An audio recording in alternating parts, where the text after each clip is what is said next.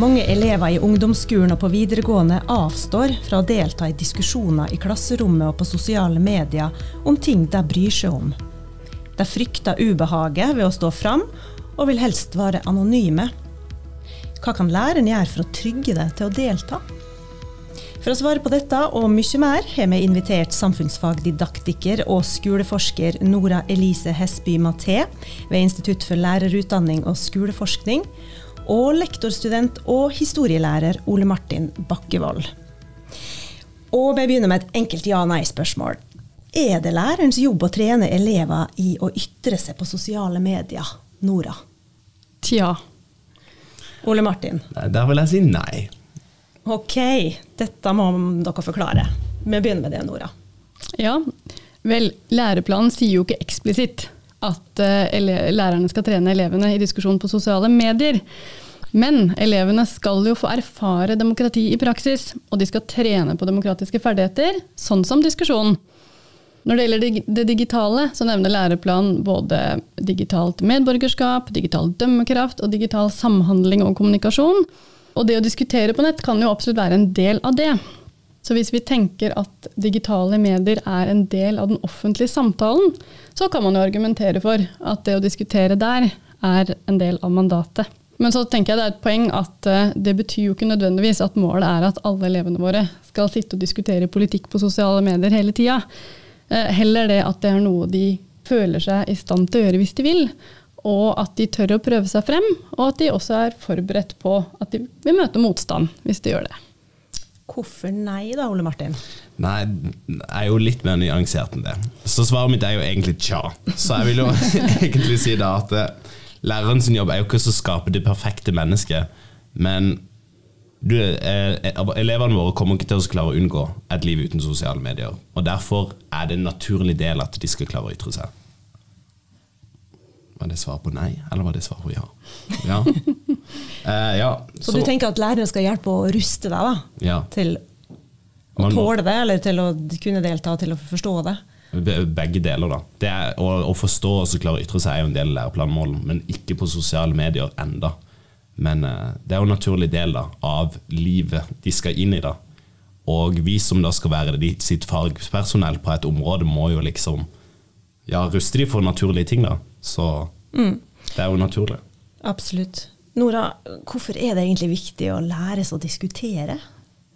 Det er det jo mange grunner til. Ehm, for det første kan man jo si at det å diskutere politiske saker, enten det handler om å få fram sitt eget synspunkt eller for å belyse eller undersøke en, en sak, en kompleks sak fra flere sider, det er jo noe som er viktig både i skolen, men også i samfunnet. Og det handler jo ofte om å møte ulike perspektiver på ting, ulike holdninger, andres erfaringer.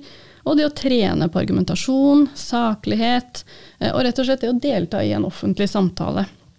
I demokratisk diskusjon og debatt. Og I klasserommet da, så kan jo diskusjon det kan jo nettopp handle om det å undersøke eller utforske en kompleks sak sammen, og prøve å belyse en sak fra flere sider i et klassefellesskap. Mens debatt det handler jo kanskje mer om å vinne fram med sitt synspunkt, litt sånn som vi ser når politikerne debatterer.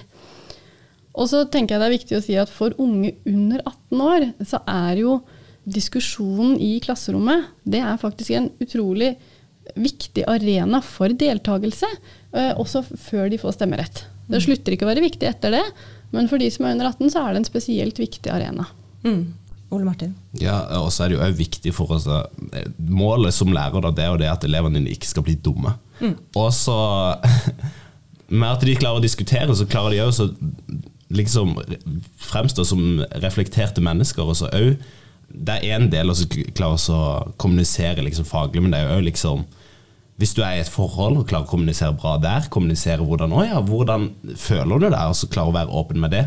Så jeg tror hvis du klarer å reflektere det og ha en debatt sånn som Nora sier, på et faglig plan, så klarer du også å ha et ordforråd som sier hvordan du klarer å snakke om følelsene dine. og sånne ting. Da. Kjempeviktig, og det er absolutt overføringsverdier her, ja. Mm. Men du, Ole Martin, du er fjerdeårsstudent du, på lektorutdanninga, og begynner i tillegg å få litt erfaring som historielærer i bl.a. videregående. Hvor lett er det da for elevene du har møtt her og der, å utforske noe de er opptatt av i klasserommet? Det er Der kommer det forskersvar, og det er en tja. Noen er det veldig lett på, for det er noen som er Enten så er det jo det at de er Det er jo en kombinasjon av hvor engasjert de er, og hvor selvsikre de er. Og ikke da hvor selvsikre de er som personer, men òg i konteksten de er i. da. Så du får et nyansert svar. Du møter noen elever som er veldig trygge.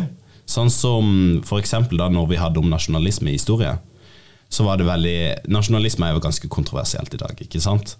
Men det var veldig lett å skape en litt tryggere kontekst på når vi sammenligner Norge i dag og på 1800-tallet, der en kontroversiell mening var at, jeg vil, at, å mene at Norge skal ha en egen utenriksminister. Så sklei det ganske greit inn i en diskusjon av hva er det å være norsk i dag, da. Og da var det en elev da som turte å stå fram der og si at han mente at norsk Hvis du kan norsk, da er du norsk. Så han var på det språklige som en viktig del av nasjonale identiteter. Nettopp. Og hvilken respons fikk han? Det var Jeg fikk utfordre han litt, da. Og grunnen til det er jo litt vanskelig å si da, om det er at han er trygg på meg, trygg på klassen, eller har et markeringsbehov i klassen. Det kan være én eller litt av alle tre. Mm. Men det ble da til en diskusjon som er jo Det er jo en litt kontroversiell mening, men eh, jeg fikk utfordre han på det iallfall. Mm. Uh, og det ble, stemningen var litt sånn Det er vanskelig å se hvilke variabler, fordi når du er lærer, så er det jo litt innsatt, det er jo litt rollespill, på en måte. Men ikke egentlig, for det er jo en del av det også. Ja. Mm. Men hvis du overfører det her til sosiale medier, da ser du at jeg tør da stå fram. Kunne ha hatt den samtalen på på et sosialt medium, f.eks.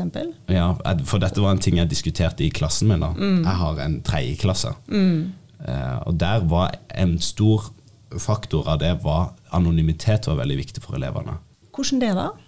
Eh, det var, eller, det var to faktorer. Det var anonymitet og hvilken plattform du var på. Men det viktigste var anonymitet fordi elevene var redd for å bli stempla som en med den én type mening. da. Særlig da politisk eh, tema som er kontroversielt i dag, sånn som eh, kjønnspolitikk, f.eks. Så å stå fram som en mening med f.eks. at det fins bare to kjønn, det var elever veldig redde for. Så da var det flere som hadde lagd falske brukere.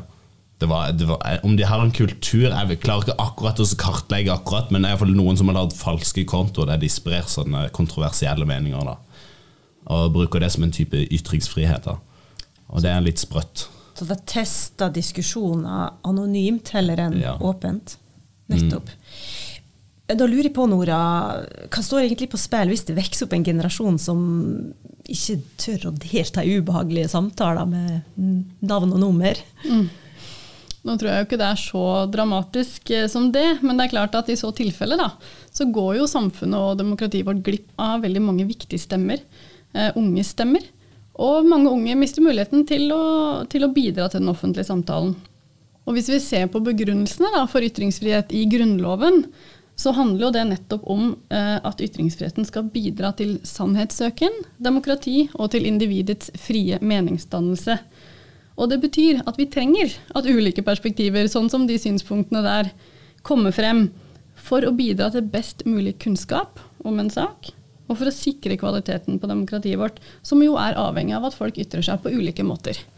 Samtidig så er jo deltakelse i diskusjoner, da, om det er i klasserommet eller på sosiale medier eller i vennegjengen eller hjemme, det er jo også en måte å utvikle sine egne synspunkter på. Fordi man møter ny kunnskap, andres erfaringer, andres meninger, og så må man ideelt sett også da forholde seg til dem. Det kan, det kan være greit å bruke ei maske når man gjør den utforskinga, tenker du det, Ole Marten? Ja, Man kan jo spørre seg da hvor stor mye av meninga er hvem som står bak for det. Det er jo etos i retorikken. ikke sant? Og hvor mye er en mening verdt hvis ikke du har et noen, hvis, Hvor solid kan en mening være hvis det er ingen som tør å stille seg bak den? Det kan være et spørsmål man tenker seg. Så jeg tror jo at meninga mister ganske mye da, hvis det er ingen som tør å stå fram som han. Mm. Hva gjør du som lærer da for å trygge elevene til å stå fram og til å ta vanskelige samtaler? Jeg prøver jo da som lærer, og det er jo mål for de fleste lærerne å lage et trygt eller et godt miljø. da, Et læringsmiljø der folk tør å ytre meningene sine uten at de slåss, på en måte. Så det er jo en balanse der. Det som er suksessfaktoren. ja, hvor lite de slåss. Så det er jo litt sånn Nei, det er vanskelig, og jeg tror det kommer til å være Det er jo alltid problemet til lærere. Uansett om du jobber der i tre måneder eller tre, 30 år, så er det alltid å få aktive elever. Mm. Aktive, engasjerte elever kommer alltid til å være vanskelig. Og det henger jo sammen med dette. da. Det, og det gjør det jo ikke noe lettere at vi har elever som ikke tør å stå fram med meningene sine. Ikke sant. Nora, du skrev dette her i Morgenbladet nylig. Som samfunnsfagdidaktiker er jeg opptatt av hvordan spørsmål knytta til ytringsfrihet blir håndtert i nettopp klasserommet. F.eks. når undervisninga handler om betente saker utafor skolen, eller i forholdet mellom lærere og elever. Hva mente du med det konkret? Nei, det er jo det at i klasserommet så er det jo kanskje ikke primært ytringsfrihet som juridisk størrelse da, som er det viktigste, men nettopp som, som Ole Martin snakker om, hva slags, type, altså hva slags ytringsklima man klarer å bygge. Og det er jo akkurat som han beskriver, at det kan være ganske krevende å håndtere en diskusjon av betente eller kontroversielle saker, fordi de berører jo gjerne elevene ulikt. Og for det er det som kjennetegner samfunnsfaglig tema. De handler jo om oss. De handler om oss som er medlemmer av samfunnet. Og læreren skal jo både sørge for å få bearbeida en sak faglig, det er jo gjerne derfor man tar opp saker i undervisninga, fordi de på en eller annen måte er faglig relevant. Eh, så skal man også, som eh, Ole Martin har gitt eksempler på, la elevene få prøve ut ulike meninger. Men man skal samtidig ivareta et klassemiljø og enkeltelever. Så altså, man skal liksom både ivareta høy takhøyde for ytringer, men også kunne yte elever saklig og faglig motstand og kanskje følge opp elever som opplever situasjonen som vanskelig. For det er ikke til å komme unna at ganske mange av de sakene vekker mye følelser. Eh, både hos lærere og elever. Så det handler på en måte om å bygge et klassemiljø med en god ytringskultur, som bl.a. Eh, kan handle om å klare å fokusere på sak fremfor person, f.eks. Mm. Ja, dette her er jo komplisert. Uh, juristen Anine Kjærulf hun snakka om uh, at, og da snakka om akademikere hovedsakelig, men at de trenger tåletrening bl.a. Uh, for å skulle ytre seg, da, altså, og dilemmatrening. Uh, det sa hun når hun la fram sin rapport om ytringsfrihet i mars 2022. Men ja, er, det, er det noe er det en god idé å overføre til, til klasserommet? Altså hjelpe elevene med tåletrening, Nora? Jeg tenker at Det er ikke et poeng i seg selv å utsette elever for ubehag, eller en slags tåletrening, men at det å trene på å diskutere saker der man er uenig, eh, og hvordan man kan forholde seg til og respondere på utsagn man er uenig i, også der hvor de utsagnene ikke nødvendigvis er formulert som, eh, som saklige argumenter, Eh, det er jo viktig. Og det er både fordi klasserommet er en viktig arena for elevenes medborgerskap. Altså det er en viktig arena hvor de utspiller sin rolle som medborgere. Um, men òg fordi elever som faktisk deltar i samfunnsdebatt eller diskusjon utenfor klasserommet, kommer til å møte både motargumenter og andre former for motstand. Og da er det jo fint at de kan få øvd på det i klasserommet på forhånd. Mm. Du nikka iherdig, Ole Martin? Ja, jeg er veldig enig, men det er fordi de kommer ikke unna. Det, eller jeg tror de får mest tåletrening utenfor skoleområdet, for det er der de kommer på mest meninger de er uenig i. altså gjennom liksom Barneskoleelever blir jo vist masse sånne eh, fæle videoer på, YouTube, på alt mulig. Det er jo en tåletrening i seg sjøl. Ja, det er mye sykt på internett man blir eksponert på som barn. og men det man kan trekke inn i klasserommet, det, det er også snakke om ok, hva føler dere rundt disse meningene. Mm. Og hva tenker du når du ser disse meningene? Mm. Og ha en metadiskusjon rundt det mm. kan, være mest, kan være mer relevant enn å prøve å liksom det er vanskelig å vurdere hvor mye vi skal teste, da, hvor mye man skal teste tålinga. da. Mm. Teste ja. Hvis man kan si det sånn. Jeg syns det var godt sagt. det. Ja. Enig. Ok, folkens. La oss innta et uh, fugleperspektiv her. Uh, Nora, skal få et stort spørsmål. Hvor samfunnsengasjerte er norsk ungdom i dag, hva sier forskninga? Det er et uh, stort spørsmål, ja. og, og, som forsker så må jeg jo si at det kommer veldig an på. det kommer veldig an på hva det er man velger å se på. Altså hva man inkluderer i det med å være samfunnsengasjert. Men det kommer også an på hvordan man undersøker det. Men hvis jeg skal ta et veldig sånn fugleperspektiv, da, et overblikk, mm. så har vi bl.a. skolevalgsundersøkelsen, eh, som ble gjennomført eh, blant, på, blant, elever på videregående. Og i den siste fra 2019, eh, siste tallene vi har, så sa ca. 40% av de elevene som deltok, at de var nokså, som det kalles i den, eller veldig interessert i politikk. Ca. 20% diskuterer politikk med venner. Men så er det viktig å påpeke at det er ikke så uvanlig at det er færre som svarer ja på sånne spørsmål når det spørres eksplisitt om politikk, og ikke om samfunnsspørsmål mer generelt. Når det gjelder digitale medier, så sa litt over 11% av de elevene at de hadde skrevet i kommentarfelt om en samfunnssak som de brenner for, mens en del færre har skrevet egne innlegg. Og så har vi noe som heter Unge medborgerundersøkelsen, og de siste tallene der er fra 2016, men den ser på niendeklassinger. Og der sa 70% av niendeklassingene at de har vært med i en samfunnspolitisk organisasjon eller gruppe av en eller annen art. 35% sa at de snakker med venner om samfunnspolitiske saker. Men bare 5% sa at de brukte sosiale medier til å diskutere politikk. Og i og med at disse tallene da, sier, sier, noe om at det er ikke så mange av elevene som diskuterer politikk på sosiale medier, så tenker jeg det er, det er litt interessant å se på hvorfor det, da. Og hva, hva er noen begrunnelser for det? Og da er det bl.a. to ting som går igjen, og det berører jo det vi har snakka om tidligere. Men noe som både jeg og andre har funnet, er jo blant elever som i utgangspunktet er ganske interesserte og aktive, så sier mange av de at de rett og slett ikke får noe ut av sånne diskusjoner på nett. At, ikke, at de ikke opplever det som noen god arena for saklig diskusjon, der man på en måte kan, kan bygge videre på hverandre og prøve å komme fram til, komme fram til noe sammen. Og så er det mange andre som er redd for å møte motstand. Og den motstanden kan jo både være saklig og, og på en måte begrunna, men det kan jo også være mye sånn personlig motstand eller ikke-saklig motstand. Og at diskusjonene ofte preges av en ganske hard tone. Men også er det en del elever som rett og slett opplever at, eller føler at de ikke kan nok om en sak til å gå inn i en diskusjon på nett med noen som de ikke kjenner. Mm. Men så er det ikke noe tvil om at både e- elever og andre unge, altså eldre, eldre unge, får utrolig mye informasjon om politikk og samfunn i sosiale medier. Og at mange leser veldig mye i kommentarfelt, selv om de ikke diskuterer sjøl. Eh, de ser på videoer eh, og andre ting. Men det er sånn jevnt over, da, ikke bare i Norge, men også internasjonalt. Så ser du der tendensen at det er mye mer konsumering enn det er diskusjon og produksjon av innhold for de aller fleste. Skjønner. Ole Martin, du er jo ganske ung sjøl, 24 år. Mm. Eh, hva er ditt forhold til sosiale medium? og Tar du ditt samfunnsengasjement inn der? Det varierer jo egentlig. Det har jo vært det som har vært morsomt med å forberede meg til denne podkasten, det er jo det at jeg faller jo inn, inn, inn, for mye av det jeg har diskutert med elevene mine og forskjellig forskning. Det er jo det at jeg er jo også en sånn som Nora sa. Jeg leser mest, men jeg engasjerer meg ikke så mye. Mm. Og det er det flere årsaker til, men det som har særlig kommet opp i det siste, er jo det at jeg kommer fra et kristent hjem mm -hmm. der jeg ikke har vært veldig enig i alle meningene som er blitt delt, på særlig om vaksiner og forskjellige sånne ting. da.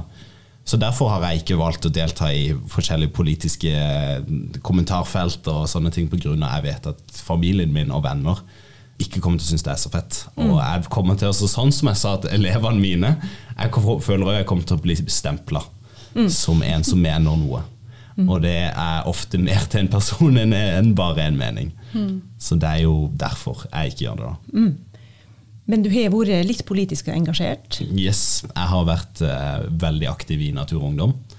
Uh, og da begynte jo mye av den der stemplinga for meg. da. Akkurat. Uh, så jeg var veldig engasjert før, og da begynte jeg å kjenne det og begynte å merke at sånn som jeg tror jeg var i veldig sånn rånemiljø, og det var ingen og etter jeg meldte meg veldig miljøengasjert, da begynte alle så, Da begynte de å skru opp dieseltrykket, sånn de bilen de skulle forurense med. Jeg var med hjem fra en hyttetur en gang. Der han, det var en sånn rar rundkjøring med et tre i midten. Og så kjørte han bare over treet med meg i bakrasjerommet. Og så rygga han over treet en gang til. Og så kjørte han over treet en gang til, og så kjørte han videre. Er det en form for diskusjon, eller? Det er jo det, kan, det er opp til forskerne og retorikerne, tror jeg. Men eh, jeg vet, det er jo det som er litt rart, å møte motstand bare pga. at jeg har et engasjement for noe. Mm. Det høres ut som eh, Sørlandet og Nordvestlandet er en del til felles når det gjelder ytringsmåter. Um, men eh, for å spøke til alvor, dette her fikk jo det til å trekke det litt tilbake. Både på sosiale medier og ellers. Ja. Stemmer det, eller? Ja, det gjorde det. Eh, fordi Ja, det er liksom Det er litt vanskelig å stå Og når man føler seg litt alene når man mm. står for sånne meninger alene. Mm. Eh, og da Jeg fortsatte å være engasjert, men jeg skjulte det kanskje litt mer grad. Og det henger nok litt igjen. Særlig når du er i kontrast med folk du er veldig glad i personlig, men veldig politisk uenig. Eh, Så kan det bli veldig vanskelig. Og det er noen sånne der, eh, tabutemaer når det nærmer seg høytider, f.eks., så har man litt forskjellig syn på det. Og så er det sånn, ok, vi begynner ikke å diskutere de tingene. Men eh, jeg syns liksom at det, det er litt sånn der, man går litt med høye tær noen ganger, men det er fullt mulig å så være veldig nærme med folk man er veldig uenig i politisk. Mm, jeg er helt enig i det. Samtidig, Nora, så tenker jeg at uh, det ligger jo kanskje et tap i det her òg, da. Mm. Ja, det kan det jo være. At man blir f.eks. gjort oppmerksom på en sak i sosiale medier som man så får et dypere engasjement for. Det kaller vi gjerne for gateway-hypotesen. At eh, sosiale medier blir en inngang eller en portal til et mer utvidet engasjement. Og på den måten så kan jo internett virke mobiliserende. Men en metastudie fra 2019 fant mer støtte til det som eh, er litt motsatt. Altså, og det kalles for spillover-effekten. Og det betyr at de fant mer støtte da, i mye forskning eh, for at um, unge som allerede er engasjert, også deltar på nett. Og det er jo fordi at om man selv er interessert i politikk og samfunn, det har ganske ofte sammenheng med om man kommer fra en familie som er engasjert og interessert, der man diskuterer politikk rundt middagsbordet, og man er i, en, i et miljø der det er vanlig. Sånn at de som er ganske engasjert, de er ofte engasjert både i og utenfor sosiale medier. Mm. Ole Martin, eh, har du funnet en måte å bruke den erfaringa di på i klasserommet? Det er et vanskelig spørsmål, men eh, ikke enda. Jeg tror nok svaret på det. Og det blir jo alltid å prøve, sånn som vi har snakka om, så er det jo å lage et godt og trygt klassemiljø der folk tør å ytre seg, og enda lære det at man kan være uenige, men enda venner. Eh, og man er litt sånn Det er ofte litt sånn Sånn som jeg finner meg sjøl igjen i flere av elevene mine, det er det at man stempler folk litt. Det er sånn 'Å nei, ok'.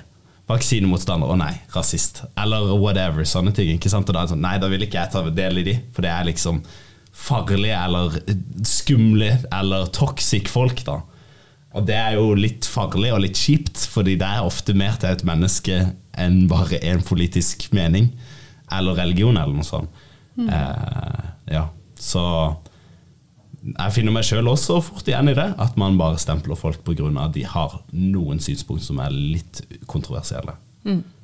Så det er jo en ting man jeg vil ta inn i undervisninga, og lære elevene mine. Ei ikke-dømmende holdning, ja. Mm. La oss avslutningsvis da gi lytterne noen råd. Eh, hvordan kan læreren skape sånne engasjerte diskusjoner eh, i klasserommet? Utover det dere har sagt nå. Altså, hvis dere skal gi ett tips hver. Nora? Bare ett. Ok, du kan få to, tre.